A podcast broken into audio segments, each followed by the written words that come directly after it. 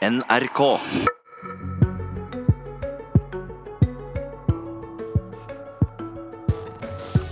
Vil statsbudsjettet føre til større forskjeller mellom folk? Jonas Gahr Støre kaller det smålig og usosialt. Erna Solberg forsvarer kutt til barn med dårlig syn og skeive tenner. God morgen, dette er Politisk kvarter. For første gang siden Solberg tok over, er auke i formuesskatten og eh, inntektsskattekutt blitt nedprioritert. Likevel så hevda du, Jonas Gahr Støre, leder i Arbeiderpartiet, at forskjellene vil auke med dette budsjettet. Hvordan kan du vite det? For det første er jo dette kutt i formuesskatten som eh, blir innført, eh, gjelder jo hvert år framover. Så det er fortsatt store milliarder som går den veien. Men det er ikke nye kutt i år? Nei, men når vi går inn i dette budsjettet, så er det som hver gang de siste seks årene, så finner vi smålige, små kutt i millioner som står opp mot de store milliardene, ikke blir omtalt, men de rammer ekte mennesker. Eh, og det er det også nå. På morgensendingen i dag hører vi om tannhelse. De 10 000 som skal miste kutt til regulering for utsatte tenner. En arbeidsgruppe skulle utrede det, har ikke fått gjort ferdig jobben sin. Regjeringen har kuttet. Vi har unge på arbeidsavklaringspenger som skal få drastiske kutt i det, for at de da skal kunne begynne å jobbe. Vi har hørt om uføre alderspensjonister som får kutt i sitt skjermingstillegg. Altså det er små tekster fra mennesker som er dårlig organisert og ikke når opp i vår samfunnsdebatt. De blir mer utsatte, og tiltakene for å hjelpe dem tilbake i jobb, til et verdig liv, de blir vanskeligere. Og da øker forskjellene, for de Men Hvordan kan du, kan du vite at disse små kutta faktisk vil føre i stort til at forskjellene kommer til å altså, mellom for å kutte i arbeidsavklaringen til pengene til de unge, det er jo det at hvis de får lite nok, så kommer de seg i jobb. Du kutter 60 000 kroner, og de skal ned på rundt 120 000 i året. Det er det ikke mulig å leve for for mange av disse. Så skal regjeringen bruke de pengene de sparer på å hjelpe dem tilbake i jobb. Og Det er jo logikken til denne regjeringen. Hvis det blir billigere for de fattigste i barnehagen, så skal de andre barnehageforeldrene betale for det. Ikke en del av spleiselaget der de som har mest, går inn og betaler for det. Igjen et eksempel på det. Og det, det, betyr at de utsatte gruppene som i dag ikke kommer seg i jobb, som ikke kommer i aktivitet, de skal altså motiveres til å komme i aktivitet ved å få mindre. Og Resultatet er at stadig flere av dem kommer over enten på sosialen eller blir uføre. Denne, dette budsjettet forteller om en uføreeksplosjon. Vi skal altså ha rundt 25 000 nye på, uh, som blir uføre, med en kostnad til 7 milliarder. Den mislykkes i det arbeidet med å få folk inn. Virkemidlene er for dårlige. Og det er flere eksempler på her senest i dine morgensendinger, som viser at utsatte grupper de blir rammet av de kuttene som regjeringen må ha for å demme opp for de skattekuttene de har gitt i andre deler av budsjettet. Ok, Statsminister Erna Solberg fra Høyre. Når det skal gjøre opp status for dette budsjettet og se hvordan det faktisk verker, vil da forskjellene mellom folk ha auka eller minka? Det er avhengig av spørsmålet om hvordan vi hvordan vi sikrer at flere kommer i jobb. Det er mange tiltak i dette budsjettet som bidrar til at flere kommer i jobb. Eh, det er ikke slik som beskrivelsen av AAP-endringen er. For det første er det sånn at vi har to andre ordninger for for den samme gruppen, aldersgruppen, introduksjonsstønaden og kvalifiseringsstønaden, hvor altså ungdom må leve på den typen støttenivå som dette er. Så det er jo ikke sånn at Arbeiderpartiet har foreslått å gjøre de stønadene eh, større, men dette er en sammenlignbare gruppe, hvor vi sier at i den aldersgruppen så får du omtrent det samme på alle de ordningene som er. Men, men så bruker vi pengene til tettere oppfølging for at dette ikke skal bli en felle for å bli stående utenfor arbeidslivet videre. Vi bruker altså de 119 millionene kronene til å støtte opp om mer tiltak for at de skal kunne komme tilbake igjen i jobb. At de kan være under behandling samtidig som de er i jobb. I tillegg så øker vi til det med forskjellene. Ja, Fordi at det, altså, Forskjellene de har økt de siste ti åra. De rike har blitt rikere. De fattigste har blitt fattigere. Det viste ulikhetsmeldinga som, ulikhetsmeldinga som det la fram i mars. Og Det du egentlig sier nå, er at du veit ikke om dette kommer til å fortsette eller ikke. Vi jobber hardt med å gjøre det som er den største ulikhetsbiten i Norge. og Det er det mellom de som står utenfor arbeidslivet og de som står innenfor arbeidslivet. Derfor er det veldig viktig at vi løfter folk over i arbeidslivet. Og har vi starter med, vi starter med grunn... Støre peker på, har de mye å si?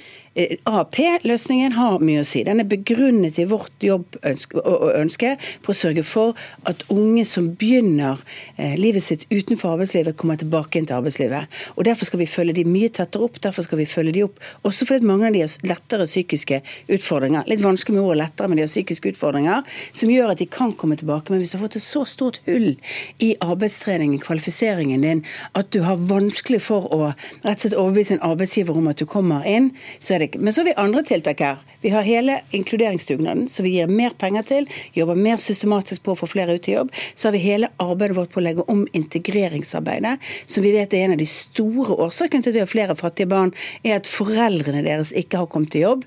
Derfor er vi nødt til å jobbe med å få enda flere av de raskere inn i arbeidslivet. Så i sum er det tiltak som jeg mener over tid kommer til å bidra til at gruppen, de som er vedvarende utenfor arbeidslivet, kan bli mindre fordi vi går til grunnårsakene. Det tar tid. Og når vil vi se at forskjellene går ned? Det tar tid. For hvis du kommer som analfabet til Norge, så tar det tid å komme ut i arbeidslivet.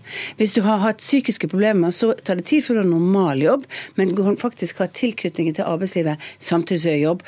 Og det er en av de tingene vi må passe på, det er at vi ikke hiver vekk viktige tiltak som vil virke på grunnårsakene, fordi vi er så utålmodige på å vise det. Men så øker vi barnetrygden, og så øker vi en del andre stønader, som jo gjør at det faktisk blir mindre ulikhet.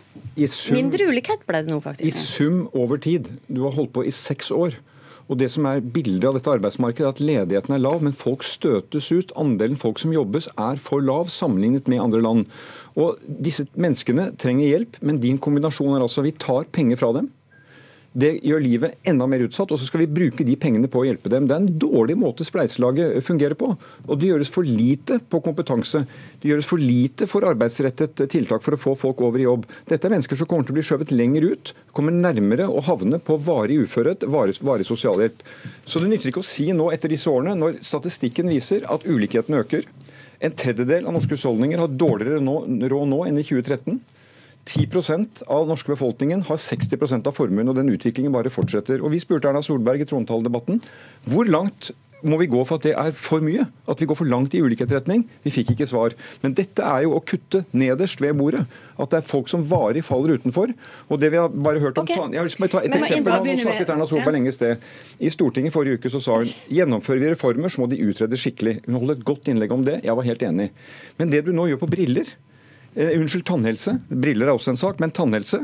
Det har vi jo fått høre at den gruppen som skulle utrede det, om det skulle treffe og, og, og, og være eh, saklig overfor de som trenger det, den har ikke gjort jobben sin. Den har ikke levert innstillingen sin, og dere konkluderer. For Bent Høie sier okay, vi måtte konkludere for å få det inn i budsjettet. Mm -hmm. Men da er det altså dårlig reformarbeid og dårlig planlagt arbeid, og det rammer sårbare mennesker. Erna Solberg, eh, barn med skeive tenner skal ikke få like god hjelp som før. Først må jeg få svare på Jonas sine påstander. Du kan ikke hoppe videre uten at jeg får svare på Jonas sine påstander. Okay. For det første så er det sånn at du er dømt i faktisk.no på at det ikke er grunnlag for å si at en tredjedel har lavere inntekter nå. For det er gammel statistikk.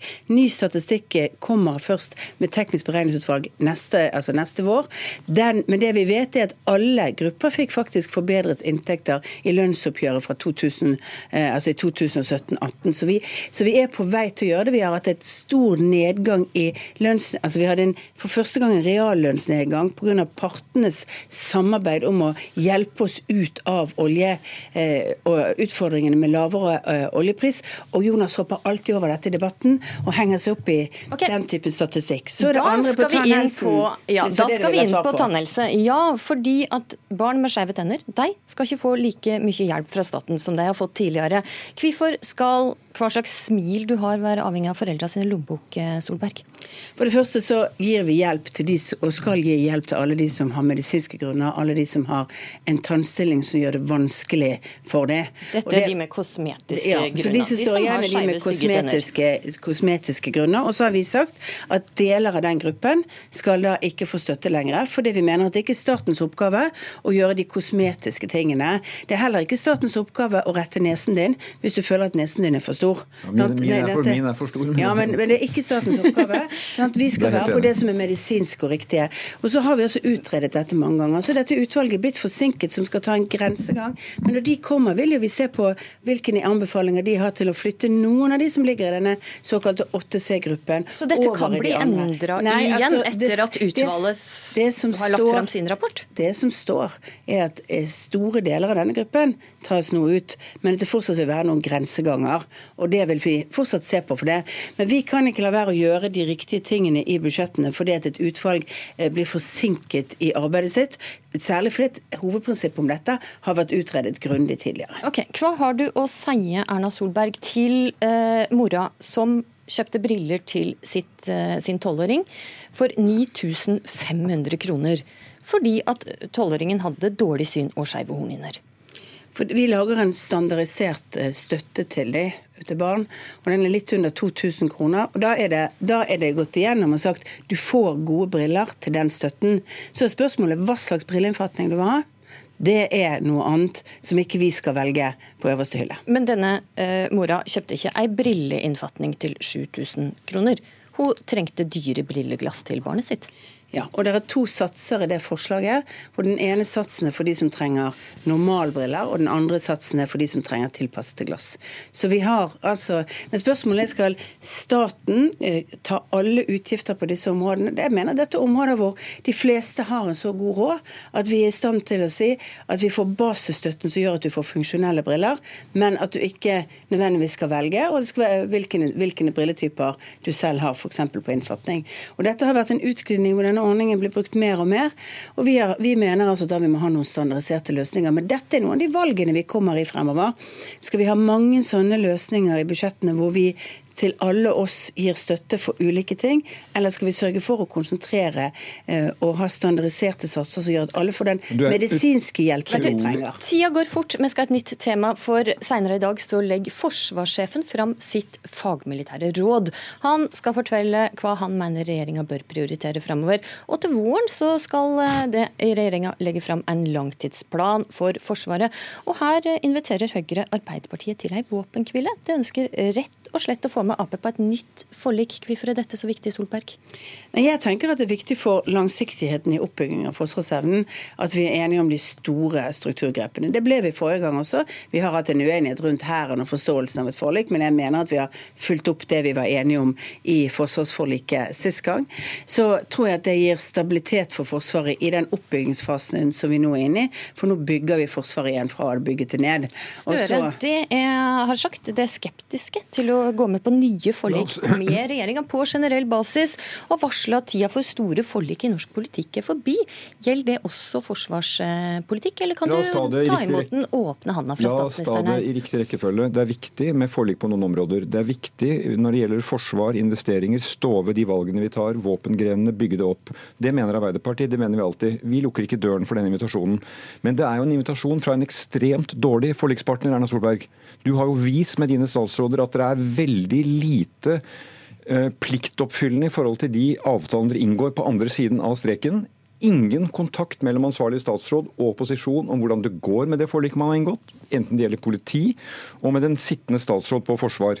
Og Det gir jo et veldig dårlig grunnlag for å følge opp akkurat det som er prinsippet, nemlig at vi er enige om utviklingen på et viktig område hvor, hvor landet trenger å stå sammen, på tvers av skillelinjene i Stortinget.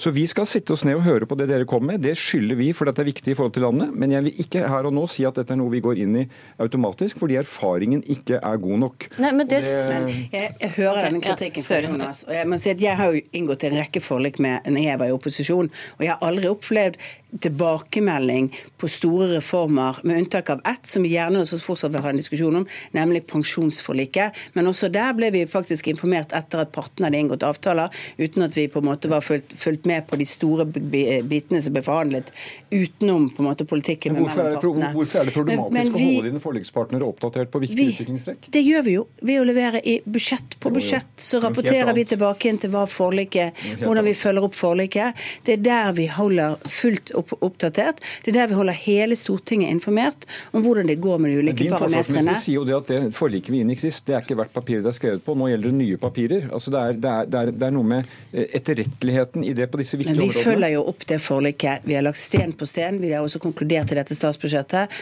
Nå har vi lagt de 8,2 milliardene kroner.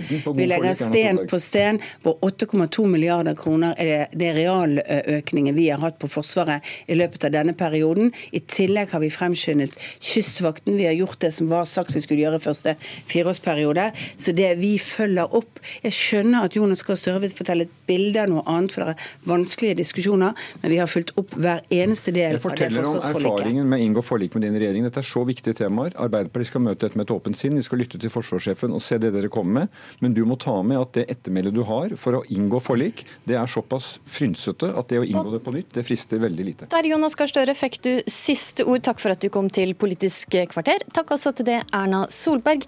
Og Politisk kvarter i dag, det var ved Astrid Randen.